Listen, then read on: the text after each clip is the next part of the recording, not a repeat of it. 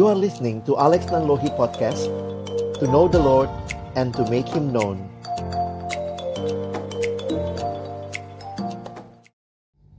Halo teman-teman Hey, ketemu lagi dengan kita berdua di Obrolan Santai Nah, santai-santai gini tetap topiknya serius juga nih. Mau bahas apa nih, Dek? Bahas apa ya? Bahas tentang ini kali Mm. ya.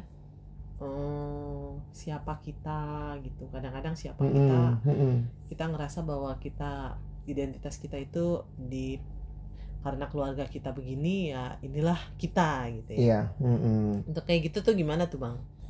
ya aku ketemu juga dengan ya ini pengalaman Hmm. beberapa waktu belakangan ini kan banyak eh, ngisi di sekolah-sekolah karena penerimaan siswa baru lalu di kampus-kampus penerimaan mahasiswa baru dan banyak eh, bicara soal identitas juga dan kaitannya biasanya kaitannya dikaitin sama keluarga dan ya balik lagi melihat bahwa ternyata tidak mudah ya menghayati bahwa identitas kita itu seperti apa yang Tuhan berikan kepada kita terlepas dari semua hal lain yang juga Tuhan berikan tapi identitas itu melekat kepada diri kita dalam relasi dengan Tuhan menurutku sih itu yang paling utama ya Hmm, iya, iya.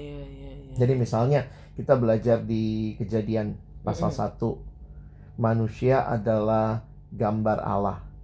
Jadi identitas kita terkait dengan Allah yang menciptakan kita. Kita disebut gambarnya. Kita mewakili dia.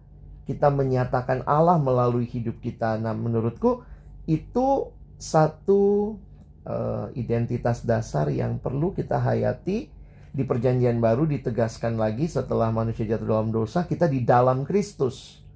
Jadi itu menjadi identitas yang melampaui hal-hal lain yang melekat pada diri kita. Iya, iya, iya, iya. iya. Misalnya yang kayak kamu bilang tadi tuh, ketemu tuh ada anak siswa yang merasa dirinya nggak berharga hanya karena kondisi keluarganya. Oh. Jadi wah orang tuaku pisah, cerai, berarti aku ini anak dari keluarga yang eh, hancur, lalu merasa identitasnya seolah-olah aku nggak ada harganya lah dibanding teman-teman yang keluarganya baik-baik, aku nih nggak ada nggak ada apanya ya Tidak Nggak ada artinya gitu. artinya, tidak ada harganya.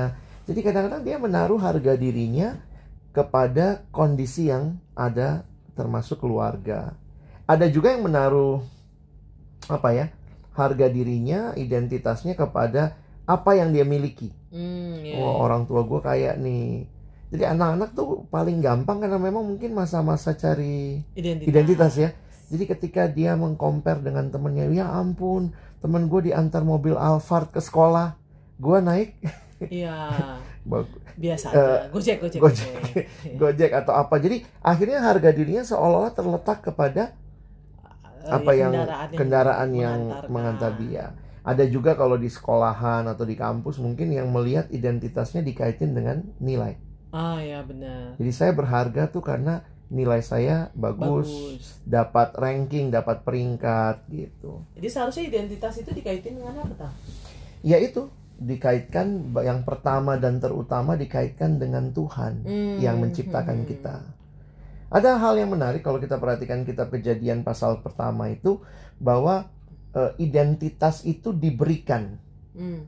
Jadi kalau kita mempelajari tentang identitas di dalam Alkitab, waktu kita dikatakan gambar Allah, itu bukan kita yang mengatakan diri kita gambar Allah, tapi Allah yang mencipta. Ah, ya Allah yang yang Yang yang mencip- mem- yang bilang Mem- lah. ya Allah bilang ya kamu gambarku Ah. begitu. Nah itu yang menarik untuk kita perhatikan bahwa kalau ditanya nih, kalau demikian identitas itu dari dalam diri atau dari luar diri? Seringkali lihat cara pandang sekarang, cari identitasmu, look inside yourself, gali apa yang ada dalam. Hmm. Saya pikir sih ini bukan masalah menggali bakat ya. Kalau Iya, gali iya, bakat ya iya. kita coba lihat apa yang ada dalam diri kita. Tapi identitas itu given Hmm. dari luar diri diberikan oleh Tuhan yang menciptakan kita kamu gambarku kamu harusnya hidup memuliakanku kamu mewakiliku dan Iya, ini iya, yang iya. kalau kita nggak jelas dalam hal itu menurutku ya bagi banyak anak remaja atau mungkin anak eh, pemuda-pemuda yang sedang masuk dalam masa-masa mencari identitas, wah itu bisa bahaya. Makanya kan ada yang bilang ini katanya generasi yang sedang mengalami krisis Identitas. identitas. Begitu deh. Gimana tuh bang identitas eh, kita di dalam Kristus tuh dikaitkan dengan eh, kondisi keluarga ataupun juga mungkin keluarga di mana Tuhan berikan kepada Mm-mm, kita. mm-mm. Kan katanya kan kita salah satu hal yang nggak bisa dipilih ketika kita Iya. lahir adalah lahir dalam Keluarga yang mana seperti gitu. apa? Seperti apa? eh dari artikel yang pernah aku baca dia sempat waktu itu melis ada kira-kira 10 hal yang nggak bisa diubah Mhm. Termasuk kita nggak bisa mengubah keluarga kita dalam arti begini kita nggak pernah mesen kan saya Iya. minta lahir di keluarga mana saya minta lahir sebagai suku apa Iya benar. dan eh, Bangsa kita apa? bangsa apa saya nggak pernah bisa milih urutan lahir saya saya Hmm. jadi kakak atau jadi adik gitu ya nah itu membuat kita menyadari bahwa harusnya hal-hal yang tidak bisa kita ubah yang memang Tuhan berikan kepada kita aku yakin sih Tuhan pasti punya rencana. Oke. walaupun mungkin sulit kita pahami secara utuh tapi percaya bahwa Tuhan itu baik dan Tuhan memberikan kepada kita hal yang baik dan kita belajar menerimanya dengan ucapan syukur walaupun kita mesti sadar karena dosa semua hal tidak ada yang sempurna Mhm. termasuk tidak ada keluarga yang Sempurna. sempurna jadi keluarga kita semua pasti punya pergumulan permasalahan ada hal-hal yang kita bisa banggakan tapi mungkin juga ada banyak hal-hal yang kita kecewa kita sedih Benar-benar. jadi akhirnya aku lihat gitu ya kalau kita menaruh eh, identitas kita pada hal-hal yang seperti itu saja akhirnya Mudah hilang. ya? mudah hilang kalau misalnya kecewa ya. kecewa langsung merasa nggak baik nih Hmm. gue juga jadi nggak nggak berarti gitu jadi untuk hal-hal tadi kalau ditanya gimana ya ya untuk hal-hal yang memang Tuhan sudah berikan kita tidak bisa memilih kita belajar menerima Hmm. Oke. belajar untuk bersyukur bahwa dia ayahku, dia ibuku, dia kakakku, dia adikku. Dan mungkin di dalam bagian itu kita jadi bisa melihat hal yang lain, Dek. Maksudnya begini, Apa? kita bisa melihat bahwa eh, ternyata tidak kebetulan ya. Hmm, Tuhan tempatkan. saya di- Ada orang yang selalu komplain, kenapa ini orang tuaku, saya nggak mau lihat keluarga teman lebih baik. Tapi sebenarnya kalau kita tukar tempat pun, saya pikir belum tentu belum juga tentu iya. kamu maksudnya menikmati Mm-mm. hal itu. Dan akhirnya yang aku lihat ya, kita bisa belajar mengasihi keluarga yang nggak sempurna itu. Oh iya. Aku pernah ketemu satu anak nih ya, terus komplain keluarga saya begini, keluarga saya begini. Terus kemudian saya dalam hati ya, waktu dengar dia cerita, saya juga nggak punya kuasa mengubah keluargamu dalam arti Mm-mm. saya nggak bisa tukar kamu jadi keluarganya orang lain gitu. Tapi kemudian saya bilang sama dia, ketika kamu terus komplain, kamu nggak belajar bersyukur, kamu pernah nggak belajar mengubah mindsetmu? Yuk doain keluargamu, Mhm. doain dia kecewa banget sama papanya yang nggak tanggung jawab, tinggalin mereka, tapi pas pulang-pulang eh, sudah sakit seolah-olah Oh, kami mesti menjaga iya, begitu, tapi sebenarnya selama ini lu ke mana aja Hmm. sebagai orang tua? iya. Jadi kadang-kadang sikap dia ke papanya sangat tidak baik lah. tidak baik. Terus aku bilang justru banyak orang yang sudah nggak punya papa. Kalau kamu masih punya papa yang nggak sempurna itu, Mm-mm. itu kesempatan kamu untuk mengasihi dia mungkin di sisa hidup yang Iya, Tuhan benar, berikan, benar, benar, benar. memperkenalkan kasih Tuhan begitu. Kamu Jadi lihatnya kayak apa tuh? kemantapan identitas di dalam Kristus itu sebenarnya ini ya menolong kita juga Mm-mm, untuk dapat bisa menerima keluarga kita apa adanya. Iya, Karena memang bukan ya kalau bisa dibilang bukan keluarga yang seharusnya identitas kita seharusnya nggak terbentuk dari itu tapi karena Iya. Kristus. Ya. Nah menarik tuh kalimatmu justru dengan kita dalam Kristus kita belajar menerima mengasihi keluarga kita. Jadi Karena akhirnya kita nggak menuntut gimana ya? Karena kita iya. kita nggak mendasarkan diri kita dari keluarga kita. Jadi Mm-mm. karena seolah-olah kan kadang-kadang kalau keluarga kita baik berarti kita Saya jadi baik jadi nih. anak baik-baik gitu. Mm-mm. karena keluarga saya begini wajar dong kalau saya begini misalnya Oh iya iya iya. ada orang-orang kayak gitu kan ya Mm-mm. kalau karena keluarga gue seperti ini ya wajar kalau gue kayak Jadi seolah-olah itu pembenaran untuk hal buruk yang dia lakukan karena ya keluarga gue juga Iya. nggak baik-baik gitu ya. seolah-olah ya ya emang keluarga gue juga kayak begitu ya wajar kalau gue kayak begini seolah-olah kayak begitu Nah padahal kan itu yang kalau- kita mesti lihat nggak begitu ya.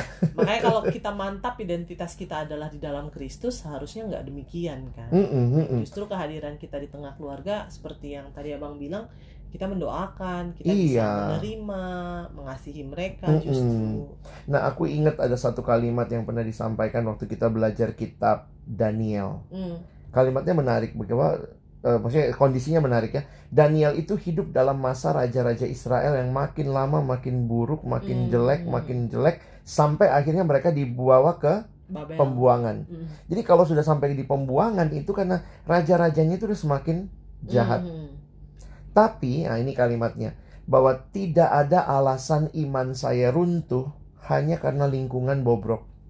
iya iya Jadi mau seluruh raja Israel itu makin buruk, tapi menarik sekali Alkitab mencatat ada pemuda seperti Daniel dan tiga temannya yang berdiri di generasi mereka dan itu berdiri di dalam Tuhan tuh. iya benar Uh, jadi di tengah-tengah mungkin bangsa lain tapi dia jelas identitasnya di Mm-mm, dalam mm-mm. Tuhan gitu ya jadi dia nggak mau mengikuti hal-hal yang tidak sesuai dengan apa yang Tuhan.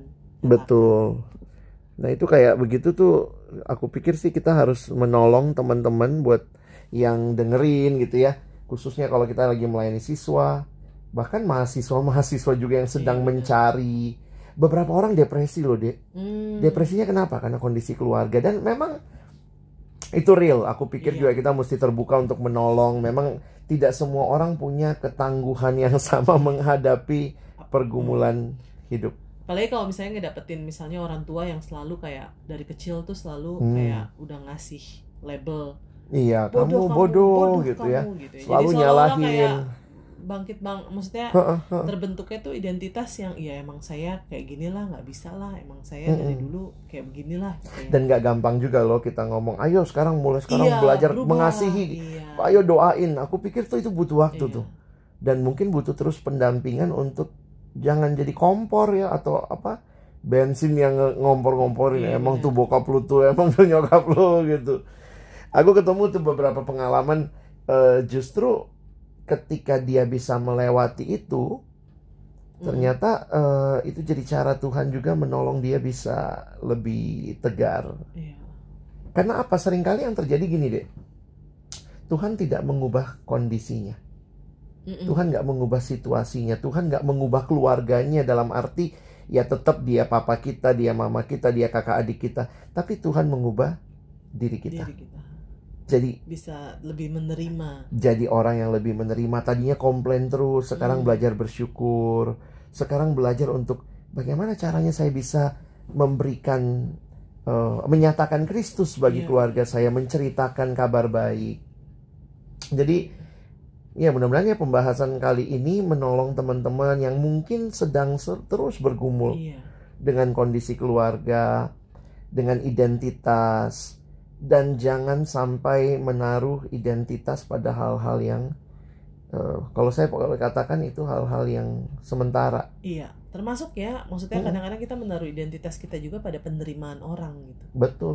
nah itulah kadang-kadang yang Hmm. ngebuat kita mungkin ketika ditolak ketika mungkin Hmm. mengalami Mm-mm. penolakan jadi akhirnya yang kamu bilang tadi mungkin bisa depresi gitu jadinya Iya, gitu padahal seharusnya tidak demikian belajar melihat sisi yang lain gitu. Kalau misalnya orang bilang kamu begini-begini, maka kita menerima itu bukan sebagai tudungan, tudingan, iya benar. tuduhan, tapi masukan kali ya.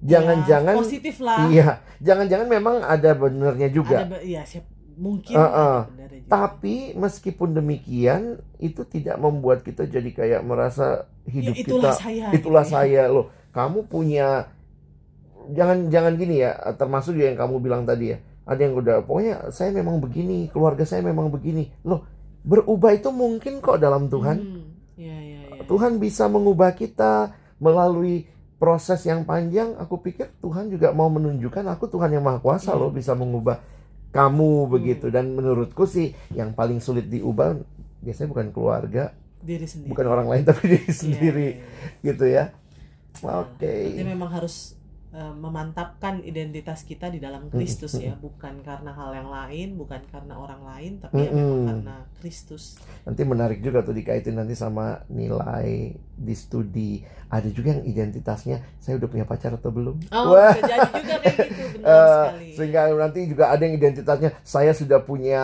suami atau Iya, istri benar. kalau udah menikah pun nanti identitasnya saya punya Punya anak, atau enggak. tidak Iya, benar. Saya nanti anak saya kerja di mana atau tidak loh kalau akhirnya identitas kita bergantung pada hal-hal yang Iya. terus berubah waduh Iya, benar, kayak apa benar. hidup itu tapi yang tidak berubah satu-satunya adalah Identitas Tuhan. dalam Kristus. Ah, ah. Tuhan lah yang Tuhan yang memberikan identitas Identitas. dan di dalam dialah kita menikmati identitas kita yang penuh. Oke, Oke. gitu dulu ya teman-teman. Kiranya boleh jadi berkat buat kita sekalian. Ya. Sampai jumpa di obrolan santai berikutnya. Dadah. Dadah.